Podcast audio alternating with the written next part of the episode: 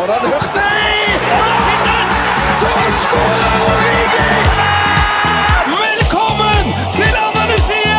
Gutten har blitt en mann! Det blir for mye rør! Det er bullshit. Det er goal! Det er goal igjen! Der var reprisen, sorry. Da er det hens. Hens, hens, hens. Alt er hens. Guro Reite! Erling Braut Haaland har skåret mål. Norge har spilt mot Brasil. Cristiano Ronaldo har nådd en ny milepæl, og Kjetil Rekdal har gått seirende ut av en Rosenborg-Vålerenga-duell på Lerkendal. Og Norge har trukket Kypros. Og selv de uovervinnelige kan ikke vinne over spøkelsene. Brann har tapt i Mjøndalen. Denne introen kunne vært når som helst, men han er i dag. Vi er endelig tilbake. Og I tillegg til dette skal jeg gi dere tidenes minst relevante statistikk før en Champions League-kamp. Velkommen til TV2s fotballpodkast. Ja, tusen takk. Og lite relevante statistikker er jo du god på, Helge, så det gleder jeg oss til. Det er helt i toppklassen på. Og Simen Stamse Møller sammen med Yao. Ikke ofte. Det er ikke ofte. Jeg trodde kanskje Yao hadde i kontrakten sånn at han ikke skulle jobbe med meg. For det skjer aldri, vi møtes bare i gangene. jeg har hatt én sending sammen. Men da er det deilig at du bare får oss sammen en mandag morgen, eh, Helge. Vi trommer sammen, Ivory. trommer sammen våre favoritter. Sant, Espen? Velkommen til deg òg, Espen. Tusen takk. Par uker pause. Det skjer jo ting på noen uker. Erling Braut Haaland har skåret sikkert ti mål siden sist vi satt i et sånt studio. Vi skal komme litt tilbake til det. og uh, Mye som skal skje fremover. En uke til gullball deles ut i dag. Kommer til å bli lansert et sånn livesenter på tv2.no, så man kan gå inn og se alle kandidatene. Der skal du være i studio om en uke, Simen. Yes. Så det gleder vi oss. eh, Rett fra El klassiker til ja, det er det Gullballen studio. beste to dagene på jobb, det. Mm. Og så har det vært én trekning, det skal vi komme litt tilbake til. Eh, Hvordan var det i Ghana? Ja, fantastisk. Der, uh, jeg begynt å lodde litt VM-stemningen i Ghana. og Det er jo faktisk verdens, et av verdens mest fotballinteresserte land, tror jeg. For at, uh, når vi bodde der i 97, så var det sånn Jeg husker en gang vi satt inne og så på landskamp. da. Også, Satt inne? Ja, så satt inne og så på TV. og så, Min mor har jo lite interesse av fotballkamper, men så kom hun og så sa til meg ja, nå må du komme ut og så se. Og så tok hun meg ut i gaten, og så var det akkurat som det var sånn apokalypse. Helt stille. Sånn at det, og så Hver gang det var en sjanse, så hørte du bare sånn brus som gikk over hele nabolaget. Så det er ekstrem fotballinteresse. da. Er det, er det mange Chelsea-fans der? Jeg har hørt Ja, det at veldig sånn. etter SIN og- Veldig sånn. Så det er veldig sånn klubb i forhold til hvor de beste ghaneserne har vært. På et tidspunkt var det jo ekstrem Leeds-interesse pga. Tony Yeboa. Oh. Og så var det selvfølgelig den SIN-æraen og, og sånn at det Og så Sunderland, Espen, for Asamoah Gyan, kanskje? Ja, tenker jeg det enormt Ja, sånn. men han, han Han har er vært litt sånn overalt. Ja, han har vært litt overalt. Og så etter han bommet på den straffen der eh, i VM Er det, sånn, er det sånn derre eh, reversert eh, Norge-Brasil-minne for Ghana? Ja, sånn som vi har rekt Rekdal, så har dere Luis Suárez, liksom? Sånn at nå når de skal møte Og det var jo en snakkis når jeg var der borte. Når de skal møte Uruguay i gruppen nå, så kommer det til å Altså, de hater Uruguay over alt på jord. Jeg tror Luis Suárez han kunne ikke satt sin fot på ghanesisk jord og vært trygg. En uh, liten tis til VM eh, der, altså. Det sportslige delen av VM som vi selvfølgelig gleder oss til. Så er det andre ting som vi ikke gleder oss like mye over. Men uh, vi skal snu uh, pendelen litt rundt, dra tilbake til Eliteserien. For det var uh, et par skikkelige godbiter i helgen. Vi kan begynne med den siste, da. Vålerenga reiser til Lerkendal. Og Kjetil Rekdal, den, den forholdssaken på TV2 Sporten, jeg vet ikke om dere så den der han var på Møllen, og den der lille cocky-greia, ja, de har vel ikke vunnet der siden 2004-2005, og da var det vel en, var en annen, en annen mann Ja, på men jeg, jeg, syns, jeg syns Rekdal var bra der. Ja, jeg liker han så mye bedre i medgang enn i motgang, men jeg synes han var skikk... Altså når han er litt sånn selvransakende med at alt Hva han sa? For han kunne drikke tre liter cola på en kveld? to halvannen liter aleine på en kveld, og bare skjønne at nå må jeg bare ta tak, og så over på det sportslige og litt sånn derre ja, eh, halvstikke hit og dit. Uh, nei, da var han fin. Der, der, der liker jeg Kjetil Rekdal mye bedre enn når det ikke går så bra. Men han gikk virkelig seirende ut av den duellen. Dansk aften på Lerkendal og 3-0. Det var jo imponerende. Ja, utrolig imponerende. Og så var det jo sånn den duellen mellom Rekdal og Fagermo på forhånd der, der de kom med litt stikk til hverandre. Men så må jo man bare si at eh, Fagermo ble totalt taktisk utradert av eh, Rekdal. Og Vålerenga sliter veldig eh, i flere kamper når de møter eh, trebackslinje og, og wingbacker. Eh, Det ser ut som spesielt Tagseth var jo en av banens giganter. Selv om han er liten, så var han en gigant i går. og ja, det når, når kantene til Vålerenga blir tatt ut, så har de veldig lite å by på, egentlig. Så, så, og så så jeg på formtabellen før den kampen. Så fra runde Altså etter runde ti, det begynner å bli ganske lenge siden, så er faktisk eh, Vålerenga og Rosenborg nummer to og tre bak Molde. sånn at det er jo to lag egentlig i kanonform. Mm. at Rosenborg, og, og Rosenborg er det beste hjemmelaget i, i, i ligaen. sånn at, at de klar, klarer å slå Vålerenga i den formen som Vålerenga egentlig er i 4-0, er vanvittig sterkt. men eh, hva i alle dager er det for en avslutning på 1-0 her? Det er det, det kan, vi kan jo ikke ha sett en finere avslutning sånn rent teknisk fra den avstanden, der hvor den treffer i mål denne sesongen i Eliteserien. Jeg kan ikke komme på noe, i hvert fall sånn Nei, ikke estetisk. umiddelbart, altså. Det er, er det, Du ser hvor kort avstand det er på en måte fra det nedlegget fra Sæter der til Tengstedt. Sånn at Ikke bare det at du skal utføre det fort, men du må tenke så sinnssykt fort. Og En begrenset spiller hadde jo tenkt her må jeg få kontroll på ballen. Men han Tengstedt ikke bare at han lukker øynene og bare tenker nå skal jeg hamre til, men det er liksom med feeling, på halsbrett nesten, køler han i krysset. Det. Helt utrolig. Det er vel liksom bare beviset på at du er formspilleren i ligaen. Du, har, du kan ikke ha høyere selvtillit Nei, og kan nei, ikke være bedre enn du er. Men var ikke det, han, han smilte vel litt etter skåringen der, nesten litt sånn Ja, nå, nå kan jeg gå på banen. Så skårer også Viktor Jensen 2, vinner 3-0. Um, et spørsmål fra Henlandi, Jørn Henland på Twitter. Må Dahl Reitan enten slaktes eller hylles for å gå i bakken ved en dult? Har vi ikke sett nok fotball til å vite at det der skjer nesten hver gang, og han får nøyaktig det han er ute etter? Det var jo noen som var ute og slaktet litt der. Ja, meg og Jesper hadde en slaktepakke på, på han der. Men eh, nei, han får jo det. Han lokker jo Jyklerød inn der og får eh, eh, Altså Ender jo opp med gult kort til Jyklerød, og Jyklerud mister hodet, men Dahl Reitan mister jo litt hodet, han òg. Blir liggende her og vri seg og se ut som han må bæres ut på båre, så ja. Jeg tror Jyklerud hadde fått, fint hadde fått gult om han hadde bare spottet opp igjen òg. Jeg tror det er litt deilig å tenke at man gjør sånn som de beste gutta på TV en gang iblant. Selv om det ser helt dust ut, så er det sånn Nå kan jeg, Sånn, jeg kaster jeg. Ja, ja. Jeg er helt enig med deg òg. Det, er- ser jo dust ut. Ja. Ja, så er han jo forsvarsspiller, og det er ikke så ofte du har anledning til uh, å gjøre sånne ting. Jeg var ikke så god sjøl. Du kan kjenne deg igjen der? jeg tror jeg har filma sånn halvfilma én gang. Liksom. Det har du ikke. Jeg, jo, én gang, og jeg blir aldri takla. Du er den siste jeg kunne sett meg filme av alle jeg kjenner. Men jeg er også en av de siste du kan se for deg dra av en mann, liksom, også gjorde deg det én gang, og så fikk jeg, kjente jeg, tror jeg kjente noe, så gikk jeg ned. Så fikk jeg frispark, da var jeg så jævlig fornøyd. Unnskyld, språk, språkbruket, men så stort var det for meg. Ja, det er godt. Uh, fem poeng da mellom Vålerenga og Rosenborg etter den kampen. Kanskje det var medaljetoget som gikk for Vålerenga. Vet du ikke. Det er fem kamper igjen. Man, man vet ikke. Ja, altså Et lite poeng der er jo når eh, Fagermo legger veldig vekt på at de er et kunstgresslag. Og så tenker jeg de er vel først og fremst et fotballag. og hvis det, hvis det er den mentaliteten de skal ha, at de er et kunstgresslag, og det var derfor de taper 4-0 mot Rosenborg, så er det jo bra at de eventuelt da ikke kommer seg til Europa. For da blir det tungt å høre på Fagermo etter hver eneste bortekamp si at de, ja, men vi er et kunstgresslag. Da kan du se på de, de to kampene de har hatt mot Lillestrøm denne sesongen. Så er jo det to streker under hans svar, da. Ja, Men da, det, det er jo helt sinnssykt stor forskjell på Vålerenga eh, på Åråsen og Vålerenga hjemme mot Lillestrøm. Det er et veldig godt poeng. Men igjen, da, det har det jo ingenting i Europa å gjøre hvis det, skal være, hvis det er sånn det skal være. Og så er det jo kanskje en spiller som Sarawi som har fått utrolig mye skryt, men Ståle Solbakken har jo vært inne på at uh, han har til gode å se den samme Sarawi, som jo er en nøkkelspiller for Vålerenga, gjøre det samme på, på gress. Ta oss litt inn på neste. Vi kan for så vidt begynne med spørsmål. da, der for Bodø-Glimt vinner 4-1 over Sandefjord, men vi har fått et spørsmål fra Morten, eller Inn-Morten, på Twitter. Er det ikke feil at en klubb kan bruke 40 millioner på én spiller og ikke ha gressbane? og dersom stadion blir eid av Bodø kommune, burde ikke da klubben heller bruke penger på å ha en egen stadion? Det er jo et poeng. Ja, Det siste er kanskje et poeng, men det er jo litt geografisk betinga. Hadde, det- hadde det vært Vålerenga, så hadde jeg vært enig. Men eh, Bodø, det er jo noen som mener at alle lag burde hatt gress. Man har hatt det tidligere. altså Klimaforandringene er kanskje ikke så store at ikke det burde være mulig. Så er det kanskje mer slitasje nå enn det var. og den type ting. Men det burde vært en slags subsidiering i så fall, og det kommer ikke til å skje, tror jeg, i, i Norge. Når man så hvordan, uten å gå for altfor mye inn på det, men hvordan idretten har blitt behandla, eh, eller hvordan de som leder landet vårt, eh, ser på sport, da. Så, så tviler jeg vel heller på at det For det er jo noe sånt som måtte ha skjedd, antagelig, at alle skulle bli behandla likt og fått penger rett og slett for å legge gressbaner. Hadde jo vært det beste, men det kommer ikke til å skje, tror jeg. Men Bodø-Glimt på kunstgress fikk en nesestyver rett før pause der. Kanskje det var det de trengte? Kanskje det nesten var bra for dem at de gikk til pause med 0-1 og ikke 0-0?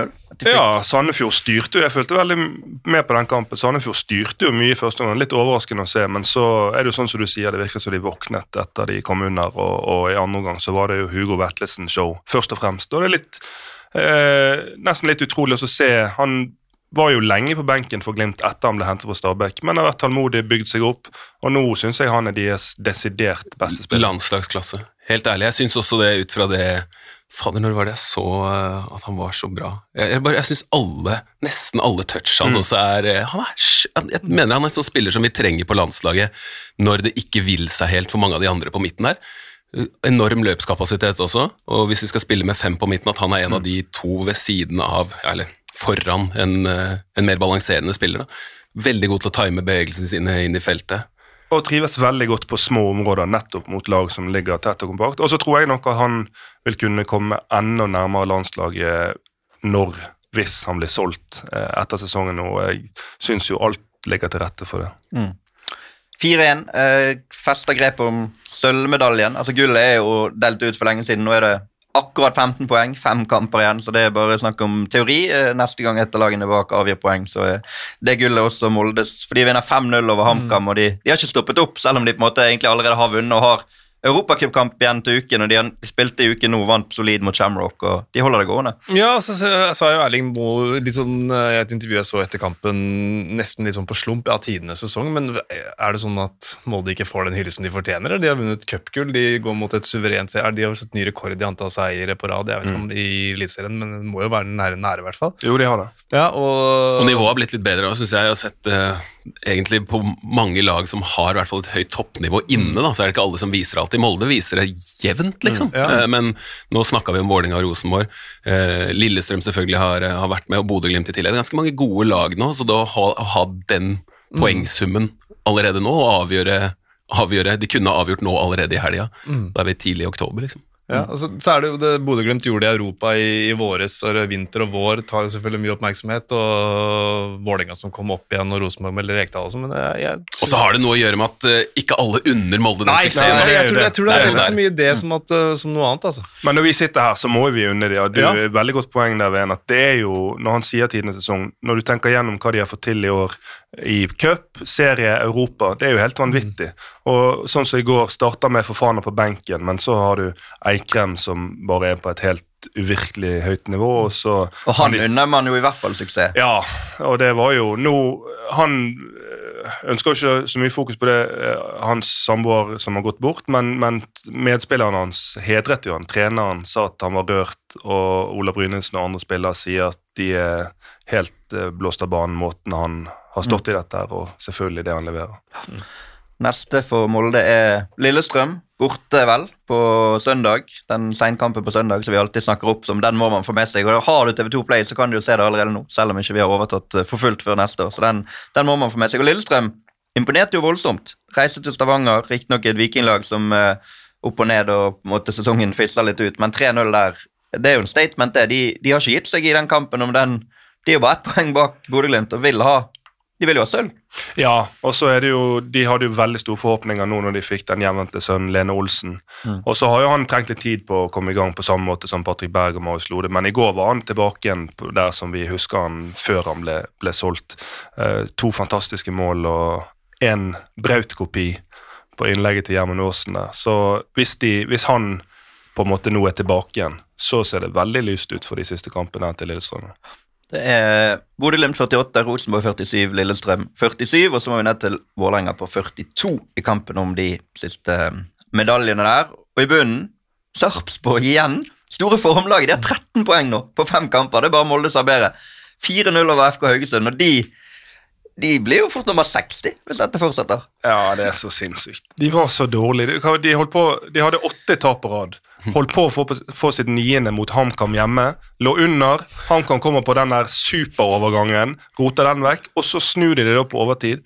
Og siden det så har de hatt flying. Det viser liksom fotball Hadde de tapt der, hadde de vært veldig dypt nede i nedrykkstiden. Mens nå er de plutselig på øvre halvdel og koser seg med Billball og fullt show. Så Ja, og det- Tobias Heinz er tilbake i sånn Europaliga 20 Når var det de var der? 18, det var ikke 18. kanskje? Form. I hvert fall uh, han, er, han er jo flying igjen. Ja, det er helt uh, vilt. Jeg er mest imponert av den headinga. Jeg trodde ikke han hadde det i uh, verktøykassa også. Den, uh, han ser bra ut. Så de, de har tatt de stegene vekk fra bunnstriden. Tromsø vinner 2-1 borte mot Strømsgodset. Er oppe på 34 poeng. De er vel også ferdig. For det er jo sånn at Sandefjord, som nå ligger på kvalik med 23 De ser jo litt oppover, men de må jo snart begynne for alvor å se bakover, og de gjør vel gjerne det også. De vet at KBK har tatt litt mer poeng enn de over tid. Vi har snakket før om at Kristiansund har noen kamper igjen. De spiller 1-1 bort mot Odd nå, men vi har vel sagt før at Kristiansund fort har kanskje seks eller ni poeng på de tre siste hvis de virkelig gjør jobben. Og da Ja, jeg- spøker det for Sandefjord. eneste som kan redde Sandefjord, er at det er bare begrenset antall kamper igjen av sesongen. Hadde sesongen vært lenger, så hadde de vært ferdig. For når du ser på formkurvene til KBK kontra Sandefjord, så er jo Sandefjord en falende kniv på tabellen. Og så tror jeg at Sandefjord er veldig happy om de klarer den kvalikplassen. Jeg tror ikke de egentlig ser så mye oppover, ser kun eh, bak seg. Men nå har de Jerv hjemme, så har de Ålesund borte, og så har de HamKam hjemme. Det er de tre neste til Sandefjord. Ja, men når du er i dårlig form, så er det nesten spiller ikke så mye rolle hvem du møter. Da er alt vanskelig. Da er alle kamper vanskelig. Så det blir veldig spennende for Sandefjord. Så vet vi at KBK har Ålesund hjemme, og så har de da Sarpsborg borte, som vil være safe, og så har de Jerv hjemme i det siste. Kristiansund, altså. Unnskyld hvis jeg sa noe annet der. Så det, det er spenning i toppen, og det er spenning i bunnen helt uh, inn. Ikke spenning i Obos-ligaen om hvem som skal vinne, for det har Brann sikret, men Mjøndalen, det får ikke de til.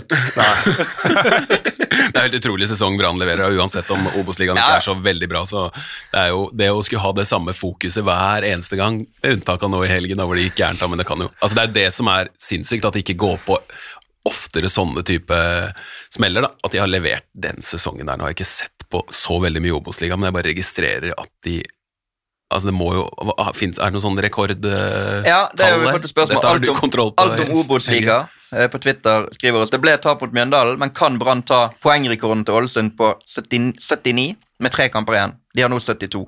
Det betyr at de må vinne de tre, eller de tangerer den hvis de, hvis de får syv poeng.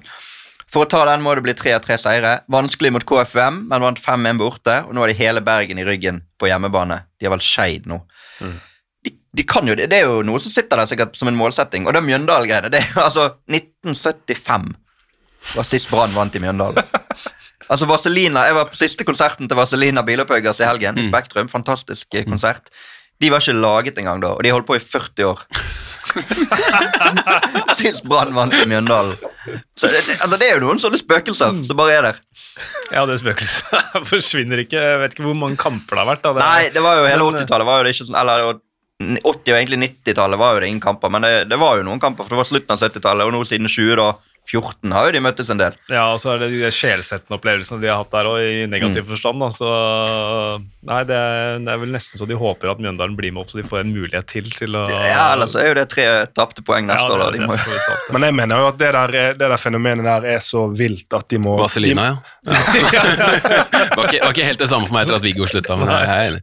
Han var der, han var med nå. Oh, Han sang de siste sangene. Oh. Ja, det var enormt. de, Feil side av Mjøsa. der, er så vilt at de må Det er utenomjordisk fenomen. Det er helt uvirkelig, så de må innhente en sånn voodoo-heks. Ja. Eller bare få blåst ut det der eh, Mjøndalen-spøkelset. Neste gang de spiller på Nedre Eika. Det er nok det som må til. Bruce Grobelar gleder tisser på stolpen, eller? Voodoo-heksa. Med Brann. Um, I bunnen så rykker Stjørdalsblink og Grorud ned i helgen etter at Skeidoksene til Espen Ven eh, slo Start. Hvordan hvordan er det for Kjelsås-gutten å si at kanskje Skeid holder seg likevel? Det er ikke sikkert de gjør det, men nå er de i hvert fall Nei, det, det går egentlig greit, altså. Det går bra. jeg må si det. det. Jeg ser jo helst at de ikke klarer det, men, eh, men det går fint. De er oppe på 25 poeng, kan ta igjen Bryne, som har 26. Kan òg ta igjen Åsane og Fredrikstad. Åsane har jo stoppet litt, eller egentlig helt opp. Fredrikstad også slitt der, men både begge de skal vel møte Bryne, tror jeg. Ja, det er kamp i kveld. Fredrikstad-Bryne. Den kan avgjøre mye hvis Fredrikstad vinner den. Så, så legger de de bak seg. Um, fått et spørsmål til Ja, Stabæk kan vi også Ja, ja. nevne, da, sant, i toppen. Altså, det er jo kamp om den plassen. Nå tapte Start for Bryne. Uh, Stabæk har KFUM i kveld. Med seier mot KFUM borte. Den blir spilt på Intility, forresten, for de som Ja. har lyst til å se live. Så er opprykket så godt som sikret for Stabæk, vil jeg si. Mm. Så det er en ekstremt viktig kamp. Mens hvis KFUM vinner, så er de helt tilbake igjen i den direkte opprykksmiksen. Er Det de er to, poeng dine to de. tidligere klubber har litt sånn jojo-lag, eh, Stabæk og Sandefjord. Sandefjord har alltid vært det, da. Men eh, det blir Ja, sånn møte, møtes ser- i heisen. Ja, og hvis du ser siste syv årene, så er jo Brann i den diskusjonen. Ja, sant. Alta er de Fana kan Hovro opp. Ja, Hobro òg, faktisk, i den miksen, definitivt. Så Men det er ustabile lag, og jeg er jo en ustabil type, så det har vært en god match. Eh, et VAR-spørsmål har vi fått. Det pleier vi til å få. Benjamin Sar Seiers på Twitter. Hvilke lag kommer til å profitere mest på VAR Light-versjonen som kommer til Eliteserien neste år? Og litt sånn eh, selvfølgelig teoretisk og vanskelig å sette seg inn i det, men hvor mange tror dere kommer til å gjøre alvor av det de sier at de skal slutte å gå på stadion når VAR kommer til Norge? Det er jo en litt sånn søkt eh, problemstilling. Vi har, jobbet litt med det VAR-greiene som kommer, eller vet litt om det som kommer. Og fra vår side, i hvert fall som rettighetshaver, så ønsker vi å, gjøre det beste mulig ut av VAR. Altså vise de mulighetene som er der, også på stadion. Vi får ikke lov til det helt i begynnelsen, men at man som tilskuer skal kunne sitte på stadion og skjønne litt mer av VAR. Kanskje vi må få noe app-basert, så at de som sitter på stadion, kan få noe via TV2 der, eller et eller annet. Men i hvert fall utnytte de mulighetene som er der, da.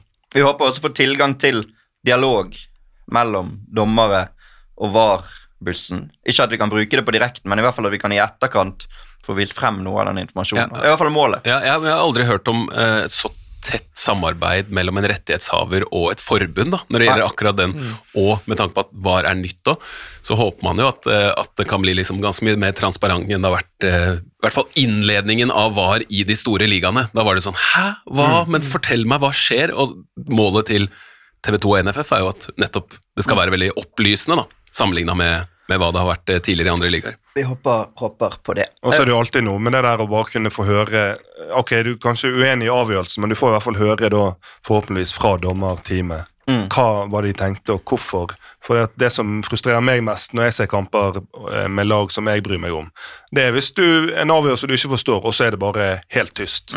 Ingen forklaring. Ja, det, hverken har det blitt sjekka? Har det blitt sjekka? Også, vi antar jo, fordi det er jo sånn alle situasjoner blir sjekka, men man sitter som TV og sier har det blitt sjekka, får dere ikke med dere? Ja, ja. Da kan man bare si at det kan komme en liten grafikk ned i hjørnet. Den har blitt sjekka, ferdig, kvittert ut, og så et, i etterkant si hva Ja, vurderinga var. kanskje vi til og med kan få eh, begrunnelsen grafisk på skjermen. Ja, hvis det går, er det perfekt. Ja, det hadde vært topp. sant? Nå vet Jeg kan ikke love for mye, men jeg vet i hvert fall at eh, det er et ønske da, å få til så mye som mulig av de tingene.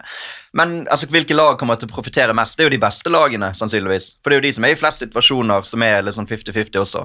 Altså offensivt, i hvert fall. Det er flest situasjoner i motstandernes boks. Ja, og dø, dødballer, folk tør ikke å holde i trøya lenger. Det har jo vært en klar effekt på høyt internasjonalt nivå, at man ser langt færre av de klare trøyeholdningene nå enn man gjorde for noen år siden. Men er ikke det, da er det jo fort at det blir flere dødballmål, eller i hvert fall Ja. kanskje lettere å skåre. Flere som kommer løs. Ja, flere som Så kommer kanskje de løs. dårligste lagene. Du, du, du, la, opp, du la opp for tidlig, ja. Jeg var så dårlig på offensiv dødball uansett at eh, det spiller ingen rolle. Nei, du har ikke mye altså. mål. Nei. Jeg så litt på det. Du har, like, like mange mål i Eliteserien og Dekkoligaen, altså på de to øverste nivåene, som Erling Braut Haaland har de siste to ukene. Her kommer jeg for å bidra i podcast som utvikler seg til en roast. Det må du tåle. Bare heislag og kan ikke skåre mål. Nei, Ja, du var jo midtstopper. Du var bra. Du var bra. En av de bedre jeg har spilt mot i, som ung. Selv om vi knuste dere i varecupfinalen. og det bare fortsetter. Ja. Eh, Det norske kvinnelandslaget har også spilt eh, kamp eh, igjen. 1-4 mot Brasil på Ullevål. Litt sånn reality check igjen, kanskje. Men det er jo det som er målet deres med disse kampene, mot tøff motstand. Skal spille mot Nederland i, i morgen. De tapte de 0-7 mot i treningskamp i fjor.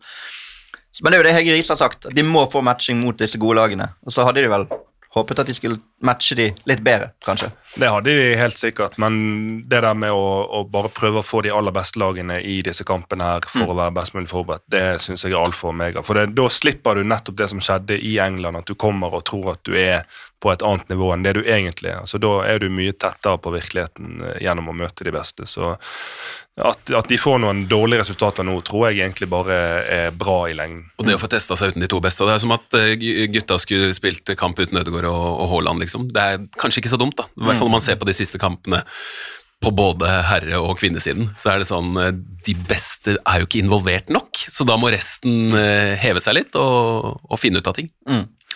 Eh, og så ønsker jeg god bedring til Kristine Leine, der korsbåndet røk. Dessverre, etter halvannet år ute fra landslaget, fikk endelig spille igjen, og så tidlig i første omgang. Det var hjerteskjærende å både se og faktisk høre. Man kunne høre hvor vondt det var. Så får håpe hun kommer tilbake.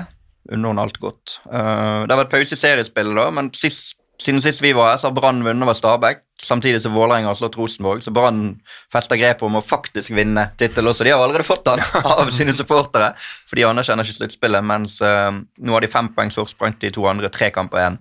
Møter Stabæk til helgen. Beste sesongen i Branns historie, eller? På Ja. to, to ganger mestere og tre ganger mestere. Ja, ja det blir Ikke mulig å bli bedre. Nei, mens uh, i bunn, b- nedrykkssluttspillet, som mange har sagt mye om tidligere, vant i hvert fall uh, Avaldsnes 5-1 over Tromsø 2020. Jon Arne Rises lag ligger på trygg plass per nå, men har både LSK og Arna-Bjørnar igjen. LSK til helgen. Men LSK sliter. LSK kan, hvis ting går helt bort, kan de faktisk rykke ned fra nedrykkssluttspillet også. Det var gale nok da de ikke klarte å kvalifisere seg for mesterskapssluttspillet, men uh, ingen god sesong for de. Herrelagene, ja, herrelaget bra. Kvinnelaget dårlig. Det er ikke helt samme klubb heller, så kanskje de kan skille litt. Det har, det har vært mange år, det har vært omvendt. ja, det har det. Nok det år. Mm. vi hopper til eh, La Liga og eh, Real Madrid. Getafe Real Madrid 0-1. Eder Militao etter fire minutter. Du har sagt litt før, Simen, at de gjør akkurat det de trenger Ja, de for å vinne. og Denne gangen ble det kanskje enda tydeligere når du skårer så tidlig. Ja, og når de spiller mot et ganske dårlig lag også i tillegg. Men, eh, og når vi vet hva som er i vente neste helg, og i tillegg at de har eh, at Benzema halter og sånn, så blir det jo et eh, litt sånn her eh, Real Madrid på tredje gir, eller andre gir kanskje til og med, og det holder jo i massevis. Mm. Men Eder Militao har jo utvikla seg de siste par åra til å bli blant de aller aller beste midtstopperne. Litt sånn under radaren, for han er ikke sånn navn man hører om, eh, hører om så ofte. Men han skal jo inn og erstatte han og Alaba, eller hvem som spiller ved siden av. Han skal inn og erstatte Ramos og Varan, og det har gått knirkefritt. altså. Ja, men seriøst, altså er det Mil- Militao Jeg, vært, jeg var litt sånn i, I Champions League-kampen i fjor, frem til finalen, så syns jeg han var litt sånn vill, litt uvørende i noen situasjoner. Men den finalen hans som midtstopper er noe av det beste prestasjonen jeg har sett av en midtstopper noensinne. Det er noe av det sykeste jeg har sett av en midtstopperprestasjon. og det er nesten sånn For alle som spiller midtstopper eller lurer på hvordan man skal spille midtstopper, gå inn og se den finalen til Eda Militao, for det, er på et så høyt nivå at det er ikke sant. Så, så det at han får eh, sin anerkjennelse nå, det er vel fortjent. Brasil har for mange gode spillere, for mange gode stoppere. Thiago Silva som fortsatt er så god, Marquinhos i PSG som er en av de beste, Eder Militao. Det er vanskelig, det er vanskelig for Ancelotti å sette opp laget sitt det beste, ikke i forsvar, men litt framover på banen og sånn, og så er det, veldig vanskelig for Brasil. Er det, det er veldig Chiche som fortsatt er trener her. Han har mange gode spillere å velge mellom nå! Altså. Begynner vi å pense oss inn på eh, eh, VM igjen, sorry, men eh, Nei, det det, blir sånn med Brasil, altså, for det er så mange andre av de lagene som ikke er i rute i det hele tatt, men Brasil får resultater og har så mange gode spillere. De er jo favoritter til å vinne, vinne VM. Ja, de var jo, det var, Vi snakket om det for et par uker siden. De tok ut en landslagstropp der, og ingen av de tre fra Arsenal som virkelig har herjet i Premier League, var i troppen engang. Altså Gabriel, Gabriel og Gabriel. Uh, Og når du ser hva Martinelli presterer i går, så det, sier du bare Men, men, men men han er kommer litt, gjerne med til VM. Da, Ja, da, han, kommer, han kommer fort med til VM når han presterer sånn, men likevel så er det Ja, selv om han presterer sånn, men se nå på de andre spillerne som er foran han i køen, så er det ikke noe automatikk engang at han skal være med. Hvem skal ut? Hvem skal ut? Det blir ikke Neymar. Nei. Eller Venitius. Eller Rodrigo. Eller. Men Real Madrid de er bra, da, men de er liksom ikke sånn, de, de, de trenger ikke å være så veldig mye bedre enn det de er nå. Eh, Jeg syns nesten egentlig de er unormalt bra til at det er på høsten. eh, Ti av elleve kamper har de vel vunnet denne sesongen. Mm. 7-1-0 i La Liga. Så Men, men eh, Simen, du som ser mye La Liga og Real Madrid, har det noen gang vært et lag og nå snakker jeg for de siste seks-syv årene i Champions League og Liga. Har noen gang vært et lag som er så god på å gjøre akkurat det som må til for å vinne? Nei, nei det, ble jo det ble jo ekstremt. Det ble nesten sånn eh, skummelt i Champions League da, med det Benzema-greiene. Der var det jo et, et snev av om det er noen høyremakter eller og marginer og alt mulig sånn, så, så ble det jo liksom Det eksempelet må man nesten ta vekk, for det er så sinnssykt. Ja, men sånn alt- som finalen, for eksempel. Så Ja, jeg er veldig godt bilde på Ja, ja men de er, de er så solide, og det at de har det er det at de har den der kjernen av spillere som har vært med på det så mye, og som man vet så veldig godt at du kan stole på. da, og At treneren bare kan kaste dem utpå og så stole på at de får det til å svinge. ok, Så ligger de under en periode, og så kommer de tilbake. Det virker som at de, de vet så godt, spesielt Modric, jeg kommer tilbake til ham hver gang, men som vet akkurat hva som skal til for å styre kamper. da, Og så hever vi oss et hakk, og så ned litt. Nei, å, nå må vi opp litt. og Nei, jeg har aldri sett noe lignende over så lang tid. nei. Og Det er derfor jeg tenker at de kan gjøre det igjen. Eh, for det er jo egentlig veldig vanskelig å repetere sånn Champions League-triumfer, og La Liga-triumfer, egentlig, men hvorfor ikke, tenker jeg, når eh, de fortsatt har de samme spillerne. Eneste er jo selvfølgelig det at Benzema eh, har litt problemer, og det er type lysk, baksidelår, sånn slitasjeskader som man helst ikke skal få på karrierens høst. Og det var noe av grunnen til at jeg tenkte at Real Madrid kom til å gå enda hardere inn for Haaland i våres, og så kan det hende at de gjorde det, og at han bare valgte City, men eh, jeg følte det da i vår, da Benzema ble skadet, at hei, se hva som skjer her, her kan være den perfekte glidende overgangen. Men så ble det ikke sånn, da. Men uh, det er det eneste skumle for Real Madrid, for at de skal kunne vinne begge deler, i hvert fall. Det klarer de ikke uten Benzema, er jeg sikker på. Shakhtar i Champions League før El Clásico til helgen. Mudric mot Real Madrid. Din mann. Den skal Ja, du følge. Den skal jeg følge. Meg og VN i målshow eh, i morgen, eh, Champions League-runden. Så det eh, Altså, det De slo vel Sjakta 2-1 eh, nå sist, og, og sånn som Simen sier, gjør det som skal til. Det, disse gruppespillfasene av Champions League er de så rutinerte at de vet nøyaktig hva de må gjøre, og samtidig hva de må gjøre for å ikke bruke for mye krefter før El Clásico. Før vi hopper til Barcelona, skal vi ta en liten ting som man ikke skal gjøre. Eh, to spanske fotballegender som har eh, rett og slett dummet seg ut, kan vi vel si, på sosiale medier i helgen. totalt. Det er Ika Kasia som legger ut en uh, tweet i går om at uh, ja, basically, jeg er homofil. Uh, håper også, dere respekterer meg. Ja, håper dere respekterer meg. Og så tenkte jeg Jøss, det var jo en, en eh, brå måte å komme ut av skapet men fy faen så oppløftende. Og tenk alle som, som, eh, som eh, la seg inspirere av det, og tenke hva dette kan gjøre. For vi har snakket mye om at homofili i herrefotballen er fortsatt veldig tabubelagt og, og stigmatisert. Så jeg tenkte jo dette kan jo bli en fantastisk historie. Og så viser det seg at Og det bare er Carles Puyol også svarer. Ja, da begynte Det, det, da begynte litt man å jo gå. kanskje liksom For han sånn. svarte vel noe sånn som 'det var på tide å fortelle historien vår', Iker. Ja. Og så har jo da Kasia sagt i etterkant at kontoen er blitt hacket. Puyol har lagt seg flat og skrevet 'Jeg gjorde en feil, beklager en flåsete kommentar som ikke var sendt med onde intensjoner, hadde på ingen måte noen plass noe sted'. Jeg forstår at det, forstår at det sårer, all min respekt og støtte til LHBTQ-samfunnet. Så han han legger seg i hvert fall flat. altså Ja, den hackerhistorien til Casillas, den kjøper ikke jeg i hvert fall. Det var, jeg tror det var eh, Jeg tror den virkeligheten handler om at han har blitt koblet til x antall damer nå etter sin skilsmisse i fjor, og, og kom med dette som en sånn slags spøk eller rettet mot media, men eh, bare totalt tonedøvt og ja, skuffende. Skuffende, egentlig. skuffende av uh, legendene, men uh, de som spiller nå, de uh, må vi glede oss over. Og du skal på El Clásico, du, Simen? Du skal ned til Spania. Yes, sir. Barcelona har jo ja, også 7-1-0. Eh, 1-0 over Celta i helgen. Pedri. Litt sånn tidlig skåring der òg for de, og så sparekreft. Ja, sparekreft, men de, jo, de står jo i kjempefare på slutten her. Hadde den Ja. kampen vart fem minutter til, så hadde jo Celta skåra. Det var helt utrolig at de ikke gjorde det. Eh, eh, så det var en sånn helt på det jevne kamp av Barcelona lenge, men de mangler jo eh, flere viktige spillere bakover i banen. Altså, Så det virka som at Celta oppdaga ganske sent at oi, her er fritt fram, her er det bare å kjøre på. Å ja, det er bare Marcos Alonso som spiller stopp. Ja, nei, men her er det muligheter. Og Iago Aspas begynte å bevege seg inn bak forsvaret til Barcelona plutselig, og fikk ballen og- så ser man bare de siste ti minuttene der, så er det vanskelig å skulle skulle vurdere hvem som er topplag og hvem som er midtlag, men um, nei da, det er fint. Jeg syns det er veldig moro med det utgangspunktet, at det er helt likt før El Clásico. Helt likt. eh, det, vi kan jo si det, det er 15.40 sendestart på TV2 Sport1 på lørdag. Kampstart kvart over fire. De har Riktig. I mellomtiden, da. Barcelona. Onsdag. Ja, de kan ikke spare noe. Nei, de kan ikke Det, spare noe. der. jeg tror ikke Real Madrid sparer så mye, eller fordi de sikkert sikrer det, men de kan spare litt ekstra borte mot uh, Shakhtar, og så er jo det i Polen nå, så det er ikke bortekamp i, i, den forstand. Eh, men Inter, nei, unnskyld, ja, Inter. Barcelona kan ikke spare noen ting. De er nødt til å vinne den kampen, hvis ikke så er de ordentlig lute mm. i den eh, gruppa der. Og så var jo dette også nordmannen i aksjon mot et topplag igjen. Jørgen Ja, ja. Strand Larsen.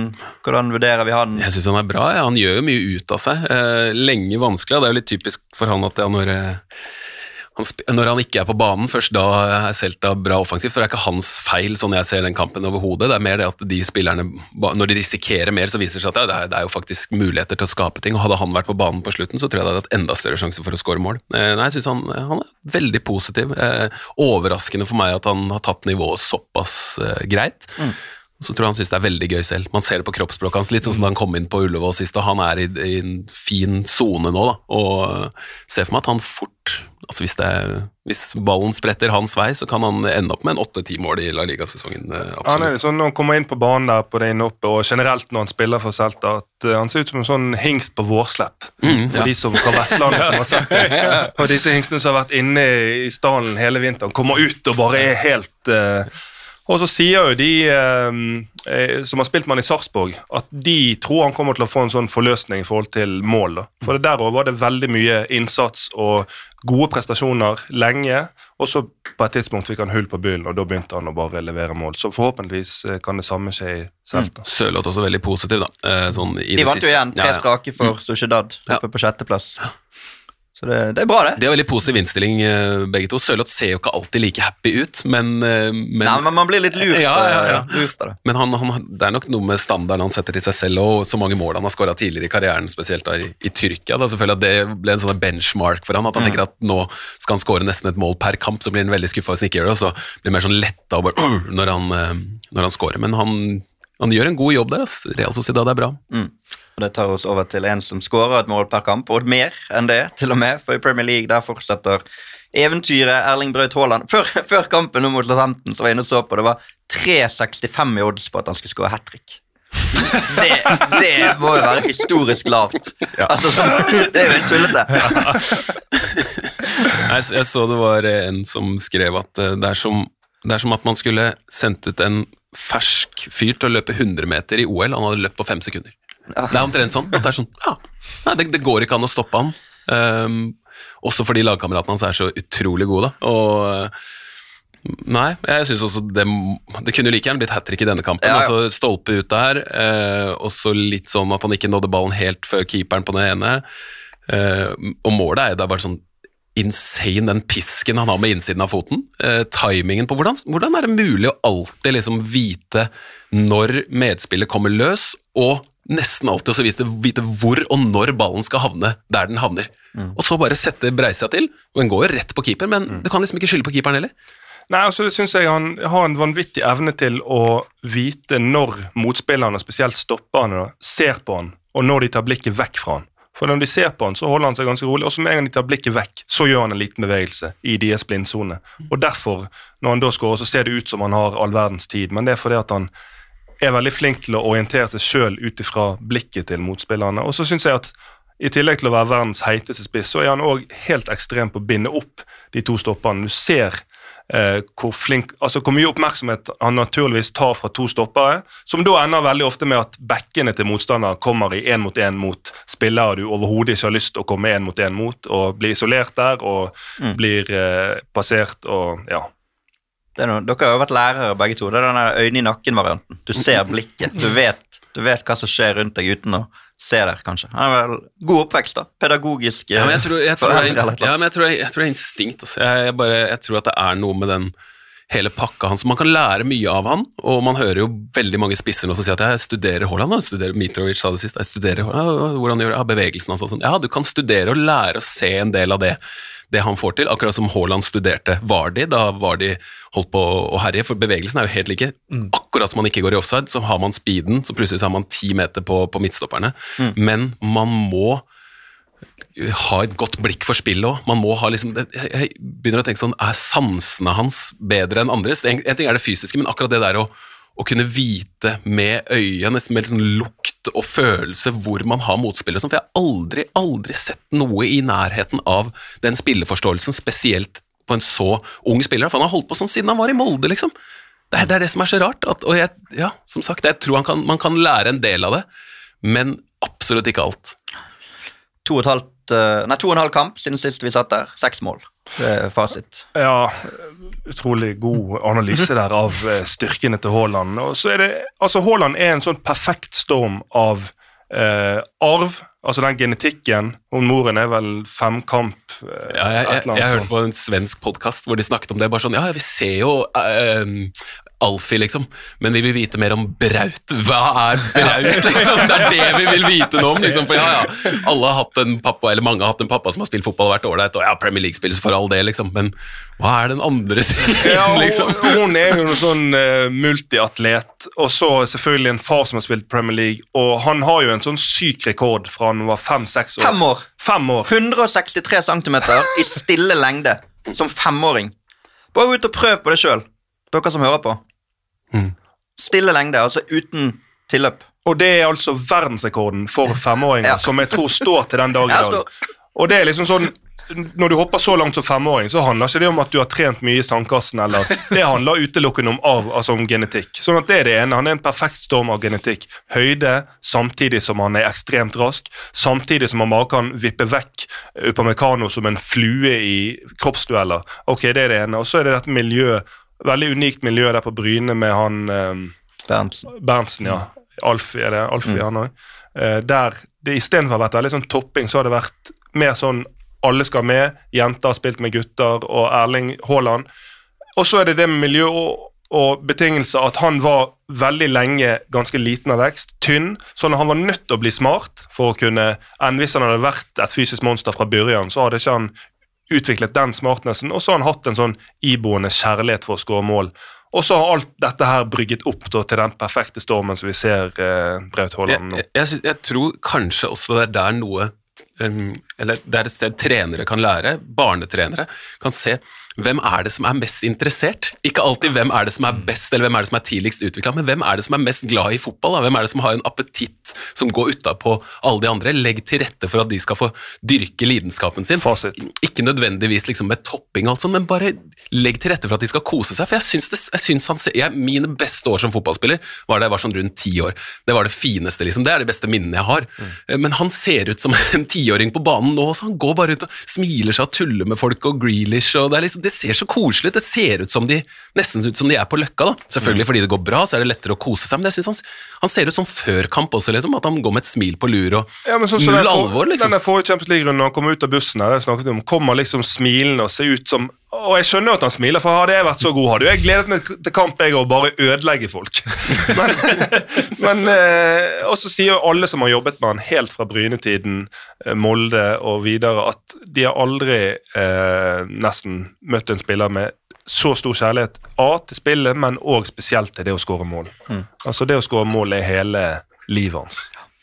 Jeg sendte deg vel en melding, Simen, der hvis han skårer annenhver kamp, altså bare annenhver kamp resten av sesongen, så ender han på 30 Premier League-mål, 10 Champions League-mål og sånn 5-6 i cupene. Han har 20 mål allerede. Mm. Ja, det er hvis han skårer annenhver kamp, så, Ja, ja, ja, og han skårer jo mye oftere enn annenhver Men kamp. det finnes jo ikke noen grense. Men dette, det, det, det er jo tilbakevendende, men det er jo bare det at han må holde seg unna skader. Så folk Ja. som driver og som driver og øh, problematiserer at han har en egen fysio på slep når han er på landskamper òg. Shut the fuck up! Fordi han er en nasjonalskatt, og han er en skatt for City, og man må bare passes på. da. Og det er jo det eneste som er problemet, at han kanskje kan bli litt for glad i å spille fotball, så han vil spille hele tiden. Eh, Det, det har liksom brent seg fast, det bildet når de leder 6-1 mot eh, Manchester United. Og de har tenkt å holde litt på ballen, og han bare banker inn i bakrommet og bare sånn «Hæ, Gi meg ballen, da! Jeg skal skåre til! Ståle snakket om på en pressekonferanse. Det var en eller annen kamp der City ledet komfortabelt, og det neste helg, altså det, og det var rett før en landslagssamling. da. Og så hadde Haaland begynt å ta noen ville løp, og da hadde Ståle sittet og sett på kampen og bare Nei, nei, nei! Sa han på en pressekonferanse. Nå er det FCK borte, Champions League, kvart på syv i morgen. Der er det bare å tune inn 28 mål på de første 22 i Champions League. Skårer han igjen i morgen? Eh, Men nå skal jeg komme med tidenes minst relevante Det statistikk. til. Og det handler om Manchester City. For de har ikke en veldig god statistikk på dansk jord. Sist gang de spilte der, tapte de for Aalborg i åttedelsfinale i Uefa-cupen i 2009. Vant på straffekonk da. Kampen før, aldri vunnet mot København. 2-2 mot FCK. Samme år, 16-delsfinale. De har kun én gang har de vunnet i Danmark. Det har vært Midtjylland i kvaliken til Uefa-cupen 2008. Da skåret de et selvmål faktisk, som reddet ekstraomganger ett minutt før slutt. Og så vant de på straffekonk. De to siste gangene engelske lag har spilt bortekamper i Danmark i Champions League, har de ikke vunnet. Liverpool uavgjort mot Midtjylland, Leicester uavgjort mot FCK. Helt uinteressant. Men helt reelt. City og engelske lag sliter på dansk Det jord. er litt som Brann i Mjøndalen der. Eh, Ja, men det er jo reelt. Det er jo et spøkelse. Jeg tror ikke, jeg tror ikke Haaland reiser til København og tenker på at uh, Leicester tok poeng der for seks år siden. nei, nei, men at, hvis, hvis det utrolig skulle skje, da, Ja. at FCK tar poeng nå, eller vinner, da, kan- da er du litt forut her nå. eh, Helge. ja, sant? For FCK hjemme i Champions League har de vært veldig gode. Det er kun Real Madrid som har vunnet der. Ja. I gruppespill i Champions League. De har spilt uavgjort mot Juventus, uavgjort mot Barcelona, Barcelona, de berømte slått Manchester. United. Mm. Så det er, det er jo en relevant statistikk. For det er jo en klubbkultur og et lag som har evnet å gjøre det vanskelig mot god motstand. De tre siste hjemmekampene tror jeg 0-0, alle tre. Nå mot Sevilla pluss mot Ja, det var jo da de spilte mot Leicester. Og, Ja, men eh, Porto. Nå skal, møter de jo ja da, og City anno er- 2022 er ikke City i 20, 2009, så det er derfor den delen er uinteressant. Er det. Joe som spiller på topp da, kanskje? Elano, engene spiste. Møter jo et av historiens aller beste fotballag og, og en av historiens mest målfarlige spillere, så Nei, jeg, jeg eh, kommer ikke til å sette oddsen på den statistikken. Du har jo en del venner i Danmark. Kanskje du kan få noe Tipse de! Tipse de om at eh, um, Vi tar et par andre kamper fra Premier League også. Um, Tottenham vinner 1-0 borte mot Brighton. Harry Kane skårer igjen. Og det er jo litt sykt. Han er faktisk også i rute til å sette ny skåringsrekord i Premier League. Og han har nesten halvparten av målet til Haaland. Ingen snakker om han, så perfekt for han, da. Så Han har, han har åtte mål på ni kamper, så han er i rute til sånn 33-34 hvis han holder det snittet. Uh.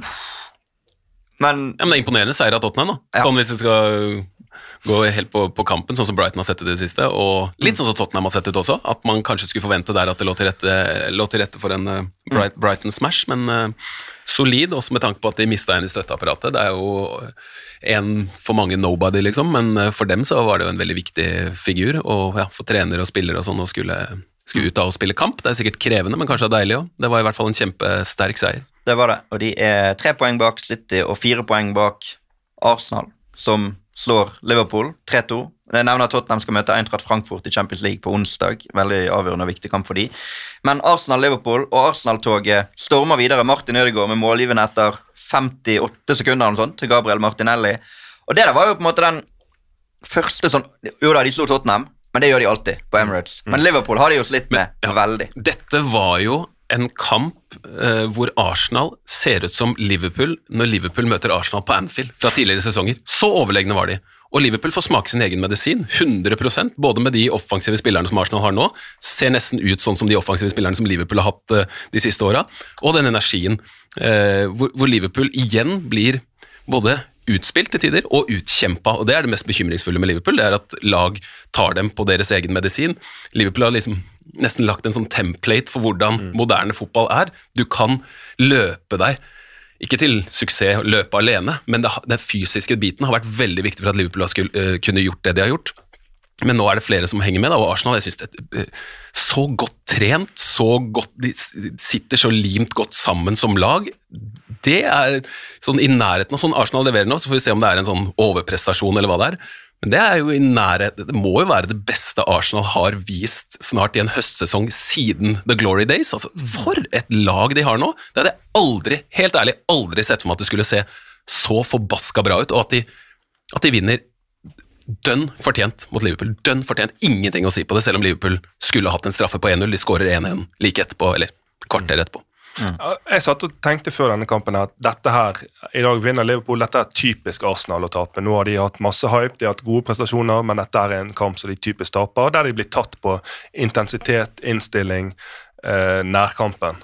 Og så er det, sånn som Simen sier, at de, de har bare tatt det med intensitet. og ja, de har det klassiske Arsenal i bunnen med fint spill, gode ferdigheter, unge, spennende spillere, men så har de tatt Altså, De har et helt annet killerinstinkt når du ser intensiteten i all, alle dueller, alle baller som er 50-50, måten de er på der. Yes. Og, og det gjør at de ser ut Altså, de, de er en helt annen utgave enn det som vi siste ja, siden, siden Wenger-dagene har, har sett på dem som, som et sånn finspillende, men litt soft litt soft lag. Ma- Ma- Martinelli, det er en situasjon etter en corner for Liverpool, hvor han havner i en ren sånn én-mot-én løpeduell med Luis Diaz. Luis Diaz er rask, det er vi, det er vi enige om.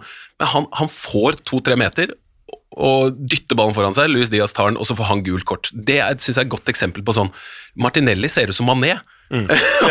Målet han skårer også, inn fra venstre. Bare at han er skal ikke si han er bedre, men han er litt mer sånn raffinert. Han, han, han, det ser ut som han vet mer hva han skal gjøre, mens Mané har spilt mer på instinkt. Da. Men det å ha en sånn spiller, eh, så ung, setter standarden eh, både fysisk med all den løpinga, og teknisk, og målfarlig, og slår målgivende pasninger. Eh, alt blir liksom sammenligna med Haaland, og hvis vi driter i han, så akkurat den kampen Martinelli eh, har i går, tror jeg i hvert fall det jeg har sett, den beste sånn enkeltspiller i én kamp denne sesongen i, i Premier League. Og så så jeg Og så fikk han sorry, så fikk han jo veldig mye hype av Klopp i forkant òg, da. Det er sånn, altså Det er helt riktig av Klopp å snakke varmt om spillere, men du kan jo ikke få en bedre attest enn det Klopp gir Martinelli før kampen. Sånn, ja, vi, det er generasjonstalent, han er helt vidunderlig. Hvis man åpner avisa eller Twitter eller hva som helst og, og, og, og hører det om seg selv fra Klopp du føler deg ikke noe mindre høy på strå før en sånn kamp. Da. Så, så han går ut og beviser det til gangs. Og så så jeg en morsom tweet der med at uh, City er så overlegne i, i Premier League nå at, uh, at Guardiola har uh, lært opp, trent opp og sendt Arteta av gårde til Arsenal og så sendt et par spillere, Jesus og Sinchenko, for å, for å få litt utfordring. Så, Tabellen ser jo ut sånn som det skulle, bare at Arsenal har blitt Liverpool, og Liverpool Ja. har blitt litt sånn som Arsenal For Liverpool sin del, Arsenal leder ligaen, 24 poeng. City har 23, Tottenham 20. Og vi må helt ned på tiendeplass og 10 poeng for å finne Liverpool. De har riktignok én kamp mindre, så i teorien kanskje 13, da, men eh, De vel Johan Hamre spør oss der, selv om det ble tap, var denne kampen Liverpools turning point i sesongen? Kanskje Det positive? Nei, det syns ikke. jeg. Nei. Det synes ikke jeg. Snarere tvert imot. Det, det var den kampen som fikk meg til å tenke på at Liverpool er i problemer på ordentlig. Mm. Jeg tenker at En del av det som har skjedd til nå, er sånn som kan skje. Litt underprestasjon, eh, undervurdering eh, osv. Eh, spilt litt på Altså levd farlig i mange kamper og vunnet et par ganger helt på tampen og sånn, men akkurat i den kampen så, så syns jeg man ser helt klare tegn til at andre lag rett og slett har tatt dem igjen. Eh, det er bekymringsfullt for deg. Jeg syns den Liverpool eh, Det viser veldig tydelig hvor fort fotballen beveger seg fremover. At Du kan mistenke at Liverpool har vært så sinnssykt gode, og ikke er så langt unna egentlig det de har vært de siste årene, men at de andre lagene bare blir gradvis bedre og bedre, og at det derfor blir sånn som det blir. Og så for eksempel så tror jeg Liverpool har blitt litt bortskjemt eh, på at de har spilt på en måte som er avhengig av at van Dijk eksempel, skal være helt guddommelig. Og når han da, Jeg tror at han fortsatt kunne gått inn på andre lag og sett veldig veldig bra ut, men når han da er nede på et litt mer menneskelig nivå, så plutselig ser det ut som han har mistet det helt.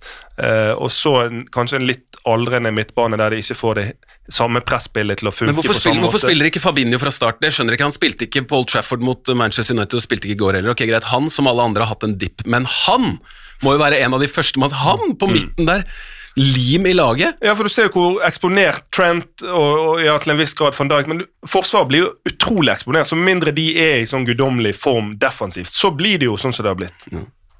Merkelig, merkelig valg, syns jeg uansett. Altså, Fabinho er sånn Han er helt spesiell. Utrolig viktig for Liverpool sin suksess. Så er det Rangers borte, da, i Champions League, onsdag klokken ni. Det er grei skuring, tror jeg. Ja, Rangers har Ja, men Rangers Bybrooks er et annet dyr enn Rangers andre steder, det er greit. Men uh, Napoli klarte det fint, riktignok med en utvisning og sånn, men jeg er ganske sikker på at Liverpool styrer inn de tre poengene i, i den matchen der.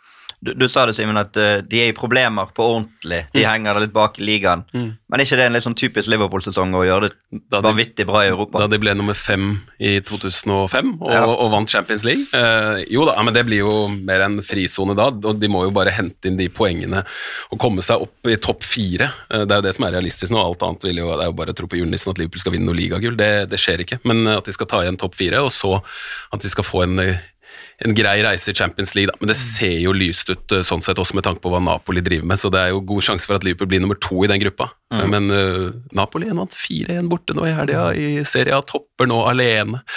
Napoli er et utrolig godt lag, men det kan vi snakke om en annen gang. Det, det er gøy.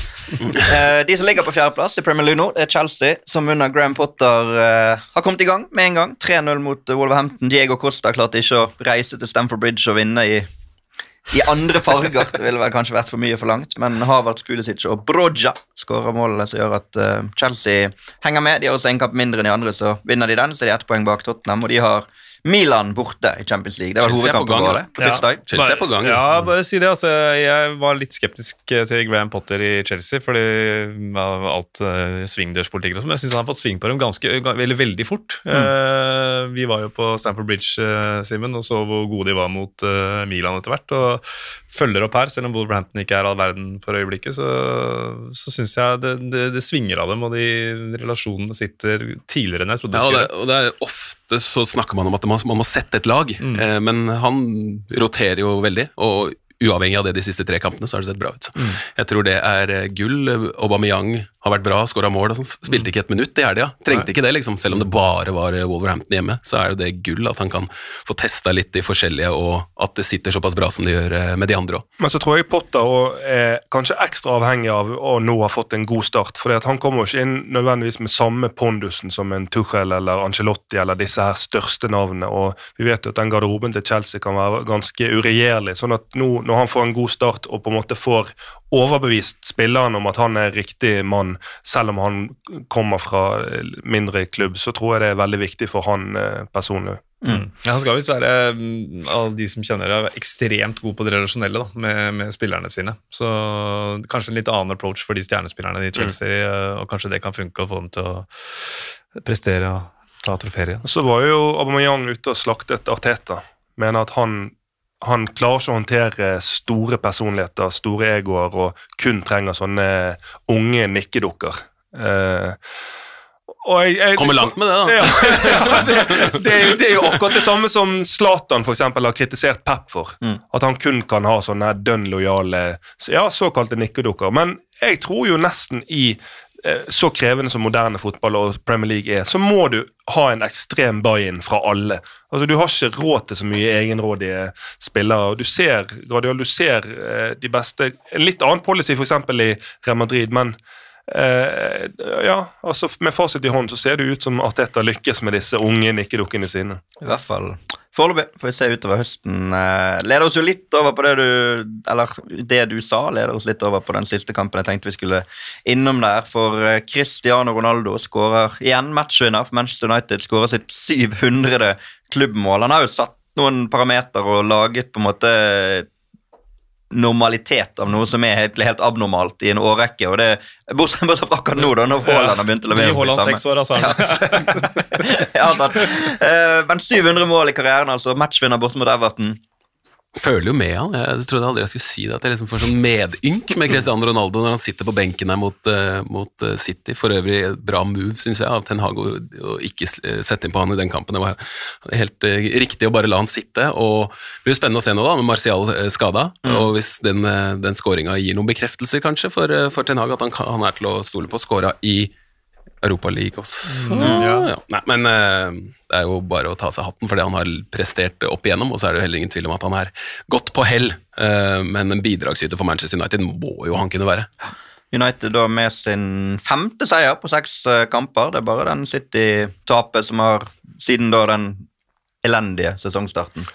Størst. Ja, altså De underliggende statistikkene fra kampene viser at United er på vei i riktig retning under Ten Hag. Altså, du ser mye mer gjenkjennbart spillemessig og mye flinkere til å ta føring på kamper og dominere det spillemessige enn jeg syns de har vært på lenge. Sånn at jeg tror eh, ting Pilen peker i riktig retning under Ten Hag, men det kommer fortsatt til å ta lang tid for å være i nærheten av bynabo City. Jeg tror det var viktig den skåringen som Antony får, at det ikke bare er sånn at han står utafor 16-meteren og, og, og køler den inn, liksom, men at han også må forstå at han kan angripe de rommene som blir etterlatt av, av, av bekker og sånn. Det ligner han jo faktisk, Akkurat i den situasjonen så ligner han litt på Sala, da, men hvis det, hvis det kan få brukt ferdighetene hans på samme måte, fordi han står jo ikke noe tilbake, tenker jeg, sånn i utgangspunktet for Sala når det gjelder teknikk og, og avslutninger og, og gjennombruddshissighet, så jeg tror det er viktig, da, at de har litt angrep fra forskjellige sider. at Hvis Rashford spiller til venstre og, og, og har spillere som fordi de er jo gode, det har man jo sett, til å spille på kontringer, da, men også i det etablerte. At de ikke blir sånn stående stille, men at de også har noen som dundrer inn bak. eh,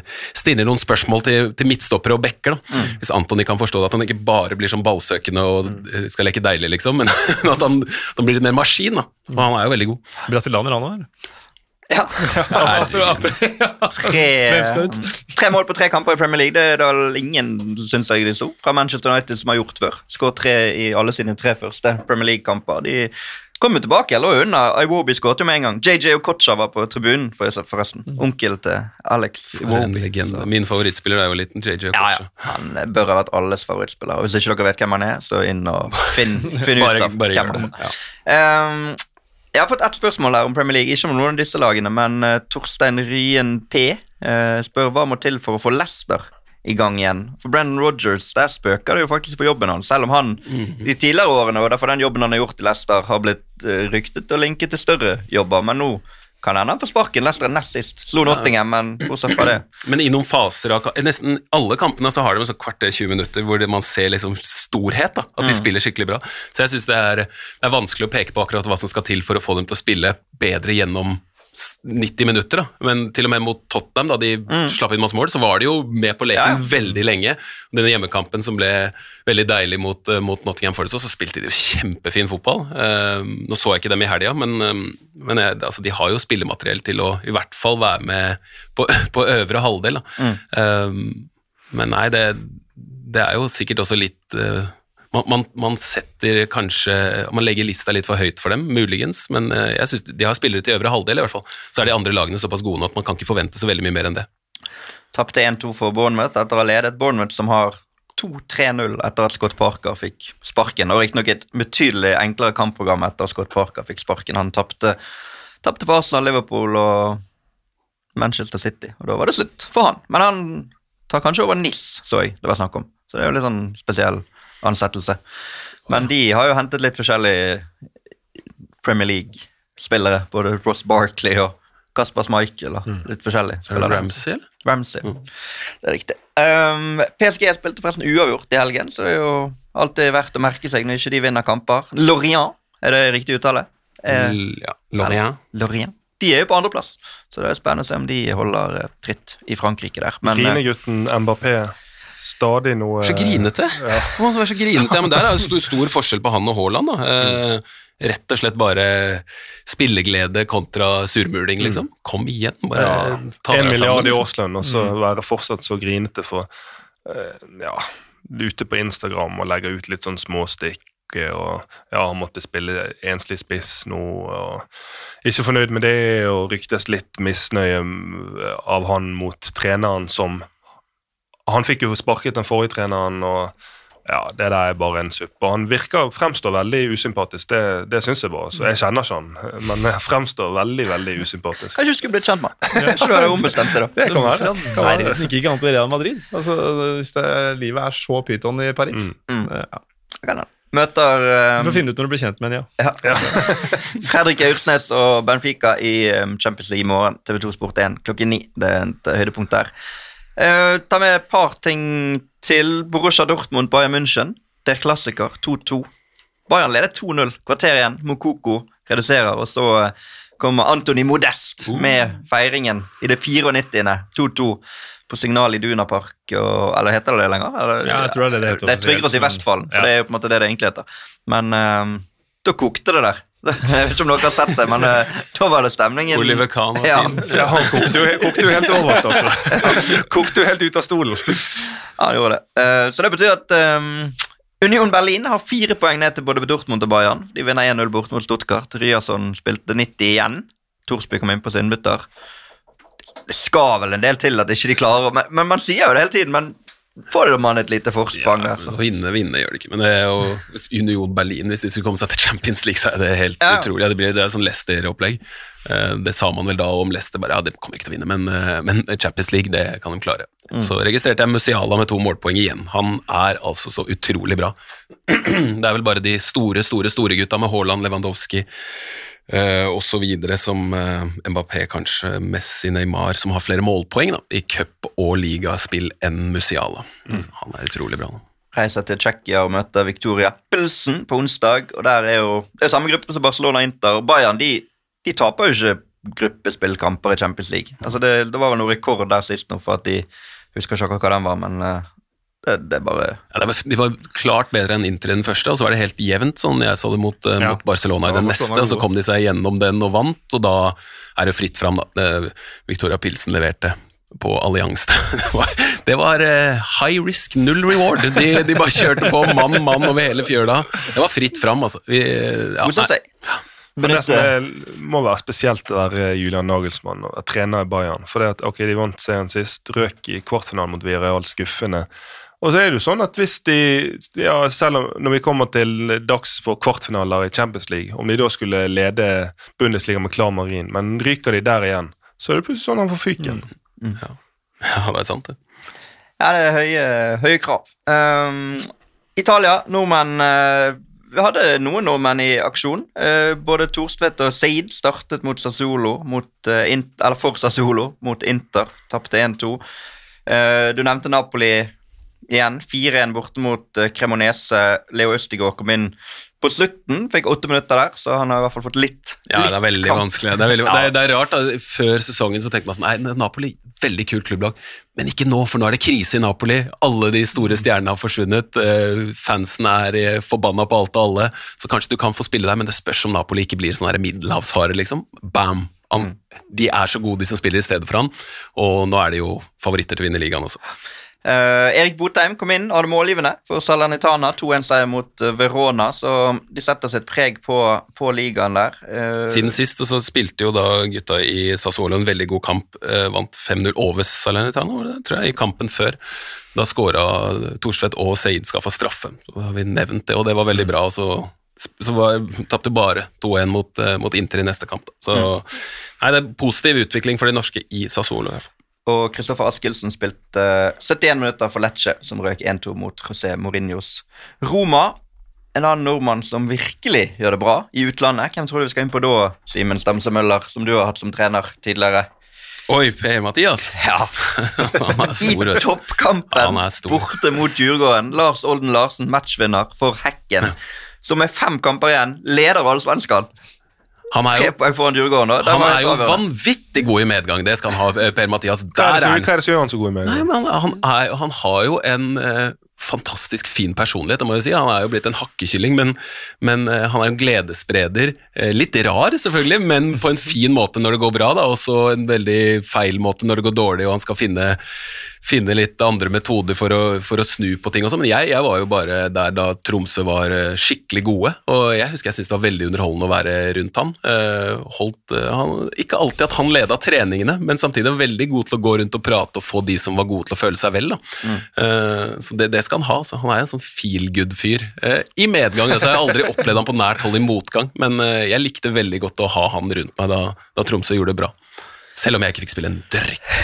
Men eh, etter fire strake uavgjortkamper klarte de å vinne toppkampen borte mot Djurgården. Det betyr at med fem kamper igjen leder de med tre poeng. Nå har de GIF Sundsvall, bunnlaget, til helgen, og så har de ganske tøft program etter det. Da har de AIK borte og Malmö hjemme på fire dager, eller hva det er. Og så har de EFK Göteborg, og så har de Nordkjøping. Men de er i posisjon. Men, Det, alt er som det skal Alt være i allsvenskan. da. Det er jo den eneste ligaen, øverste ligaen hvor man kommer til høsten, så er det ingen som vil vinne. Mm. Det er bare sånn, det er, det er syv lag med tre poeng og det er helt utrolig. Det er jo hver eneste sesong. Det er aldri noen som stikker fra, eller var sikkert det en gang nå, fem år tilbake, så var Malmö kanskje suverene, men etter det så har det vært sånn herre Hvem i alle dager skal vinne? I don't know.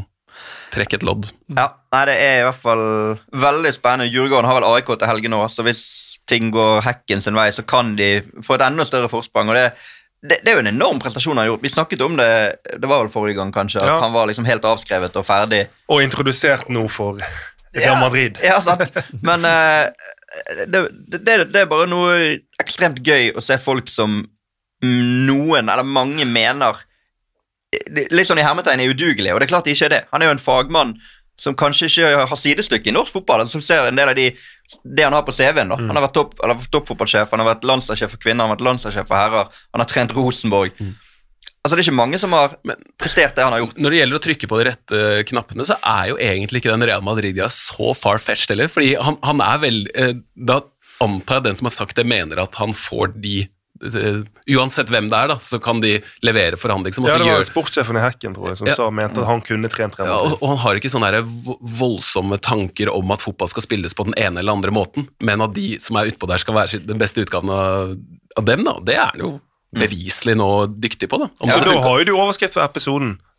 Simen lanserer Høgmo som Real Madrid. Ja, vi hadde vært forrige uke at han ble lansert som svensk landslagssjef. Var vel det vi brukte som overskrift forrige gang. Men det, jo, det kan jo være det er noen trenere som har sånn eh, moonshot-strategi eller eh, himmel eller helvete. At når de først treffer, så er det sinnssykt bra. Og så når de bommer, så er det andre div med Fredrikstad. Ikke godt å si. Ehm, et spørsmål før vi skal runde av med EM-puljene. Ole Andreas M. Olsen, tydeligvis på Twitter. Hvordan er en perfekt dommer? Da ble det stille. Det vil jeg si er en som eh, du egentlig ikke ser. Mm. Du legger ikke merke til han i det hele tatt. Men du kan prate med han. Ja. Det er viktig. Kunne prate med Det er øh, Åh, nå må man passe på så man ikke blir stygg, for det er jo, det er jo en øh, fæl post å være på til tider, men det der uh, Altfor mange ganger så har jeg hatt dommere som bruker autoriteten sin som våpen, og korta sine som våpen, og fløyta si som våpen, i stedet for å bare bruke munnen som et verktøy. Faen, snakk til meg, og si hva det er for noe du dømmer for. Og så er jo sikkert Tonen min har ikke vært spot on alltid, den heller, men, men sånn er det jo. Hvis man er fotballdommer, så må man forstå at der er det heftig prat, liksom. Men de beste dommerne jeg har hatt, det er sånne som, som prater eh, tilbake og er, altså man er litt på lag, da, sånn som han Espen Eskås, som har hatt Champions League-kamper nå. Veldig god til å prate for seg eh, i kamp, forklare ting og si 'my bad, jeg tok feil'. Så er det så mye deiligere å forholde seg til underveis i kampen også, og sånn er jo han eh, Matteo Lahos også. Jeg snakka med Ødegaard om han. han elsker, Ødegaard elsker Lahos, han er jo gæren, men han har jo konferansetime og klassens time hver gang det er en avgjørelse. Og så tar han praten med alle, og så bruker han litt tid på det, og så ser det kanskje liksom håpløst ut, for han skal jo rundt og snakke med alle. Men heller det altså, enn dommere som ikke snakker i det hele tatt, og bare er sånn herre Ja. Men det er ikke veldig sånn eh, Altså Noen dommere som føler seg truet, da, og så reagerer på den følelsen med å bli veldig aggressiv tilbake igjen og hold kjeft og kom deg vekk eller kort og sånn. Mens de som ja, ikke føler seg så truet av at en spiller her og der blir forbanna, de kan ta det litt lugnt og, og respondere på en god måte. Problemet ofte er at hvis man har for god tone med eh, så, så kan det oppfattes som at man favoriserer det, så de skal ikke liksom gå for langt den veien heller. Jeg skjønner at det kan være vanskelig, men kommunikasjon er veldig viktig i hvert fall. Kommunikasjon er viktig. Og eh, kommunikasjon var det mye av eh, da EM-puljene ble trukket i går. Det var enorm spenning på forhånd. Kunne Norge styre unna England og Frankrike og Serbia fra pott to? Og det gjorde vi. Endte opp med da en gruppe med Spania, Skottland, Georgia og Kypros. Da får vi de to beste spillerne i verden mot hverandre. Haaland og Caradona. Ja. Georgia vil ikke ha Georgia fra den potten her, men det går sikkert bra. Nei, det. det, det var jo det første som ble sagt egentlig av Ståle Solbakken etterpå, at Georgia fra pott fire var en tøff trekning. Det er jo kjempedytten. Det er jo Men man må vel fokusere på at man slapp Yes. gigantene fra pott to. Ja, i hvert fall sånn som trekningen ble der. Så satt jo jeg bare Nei, nei men da, er det, da havner vi i B eller C. Det er kjørt. Bare å legge inn årene. og Ja, for da Om, det om det er mulig England, for TV2 å selge de rettighetene så er det bare å gjøre det, for her blir det ingenting. Men, eh, Så det var jo en enorm lettelse, og det sa jo Ståle Solbakken òg. Enorm lettelse når Norge da kommer i gruppe A og ikke. For det er B og C. Skal vi være helt ærlige, hadde det vært, da hadde det vært game over. Da hadde det ikke vært noe vits å Ja, Da måtte du tatt enten England eller Italia, eller enten Nederland eller Frankrike. Ja. Og det skal jo mye til. Ja. Nei, vi har gode sjanser. Vi har gode sjanser, Selv om Skottland er jo sånn mer jevnt besatt lag enn oss, eh, men de har, jo ikke de, de har jo ikke de store spillerne. Men eh, det er veldig bra som fighting spirit. Sånn. Det, er, det er typisk det, da, at man skal gå rundt og være redd for Skottland, akkurat som at man går rundt og er redd for alle andre. Men Serbia er bedre enn Skottland, men Skottland er fortsatt et lag som absolutt kan slå, kan Ja, slå Norge. Liksom. men det er vel noe De er vel oppe på A-nivå også, vi eh, Ja, de opp. tror. Men eh, hvis ikke man vinner en gru eller blir nummer to i en gruppe med Skottland, Georgia og Kypros, så har man jo ikke noe i et EM å Nei, gjøre. det, det er Skottland. Det er, ærlig det er Skottland som er, det er ganske jevne med oss, liksom. Ja. Men med det sagt, så er det sånn hvis Norge presterer sånn som de gjorde nå sist samling, så har ikke de sjanse å komme til EM. Nei, nå i den, I den, siste samling, for, ja. ja, den siste samlingen. Mens hvis de presterer sånn som de gjorde den samlingen i sommer, så er det veldig veldig gode muligheter. Så det er opp til Ja. oss sjøl, i hvert fall. da. Ja, Skottland sånn turnusgode. De er, de er gode i eh, ett et opphold, og så er de elendige neste. Så der ligger håp litt som oss, da. Og hvis man skal på en bortekamp noen gang med Norge, da drar man til Hampton Park. Ja, fordi det er vært-? Nei, jeg bare ser det. Jeg bare, jeg, jeg, jeg går, ah, ja, ok, da, snakk, for, fordi det ser helt utrolig ut. Jeg har lyst til å dra dit, og så har jeg lyst til å se Danmark uh, i parken spille landskamp. Mm. Det er jo sånn bucket list. Men det ser helt utrolig fett ut når de synger la, eh, nasjonalsanger og alt mulig. Ja, det var ikke meningen å avbryte det. men det- Avbryter Det er en av de få eh, jeg kan si at Det har faktisk jeg vært. Det var 2004, når Steffen Iversen ble matchvinner på straffe. Helt magisk. Eh, det var da vi skulle ha stake og sånn med Åge Hareide. Da hadde vi stake der. Gikk fra stadion. Måtte gå hele veien inn til uh, Glasgow etterpå. Møtte masse skotter. Alle var bare 'velkommen inn, kos dere', bla, bla, bla. Selv om de hadde tapt. Helt nydelig sted, så jeg støtter deg fullt ut, Simen. Dra på den. Er det én bortekamp du skal på, så dra på den, ikke den. Da drar jeg, så har jeg vært der, jeg òg. Ja, så, som jeg kommer til parken. Da. Dere skal B-laget skal på Hampton Park. 100 Ja, ja, garantert. Uh, og så er det jo sånn at Hvis vi skulle nå bli nummer to, nei tre, bak Skottland, så er det jo et håp i Nations League fordi at potensielt alle disse andre lagene foran oss kvalifiserer seg inn. Kan bare gå kjapt gjennom det. Hvis det går som forventet, hvis Nederland og Frankrike går inn fra B, Italia og England fra C, Kroatia og Wales fra D, Polen og Tsjekkia fra E, Belgia og Østerrike fra F, Ungarn og Serbia fra G. Viktig at Ungarn ikke fikk en veldig tøff trekning. Danmark og Finland fra H, Sveits og Romania Kanskje ikke Israel, som er andre sidet, fra I. Jeg vil kanskje si at Romania favoritt foran Israel. Og Portugal og Bosnia fra J. Da blir det en playoff på nivå B, som blir Ukraina, Island, Israel og Norge. Hvis da Norge skulle få Vi ryker Skottland. mot Ukraina, da. Men der har vi premissene lagt. eh, Da vet vi hva som skjer neste år. Men jeg var sverget meg sjøl etter den Serbia-kampen nå. Da, hadde jeg, da så jeg på et tidspunkt hadde Serbia 2,85 i odds.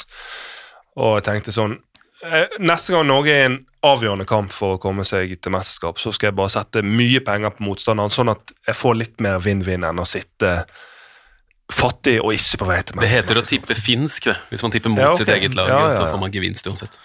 Det eneste som trengs på mitt premiss, er forresten at Finland, da, sammen med Bosnia og Serbia, går eh, til eh, EM. For de er jo foran oss på andreplass-listen, da. Tror vi må gi oss nå før hodet, hodene våre Ja, eksploderer. det, ja, vi.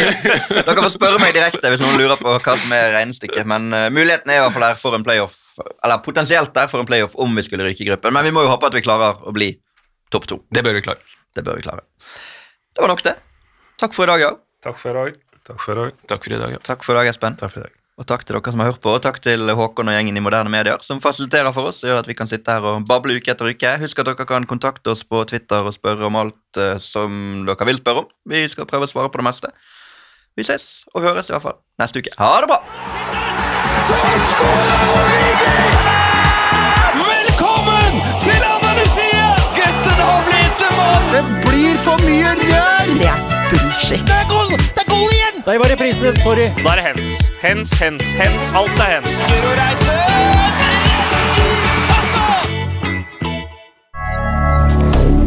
Moderne media.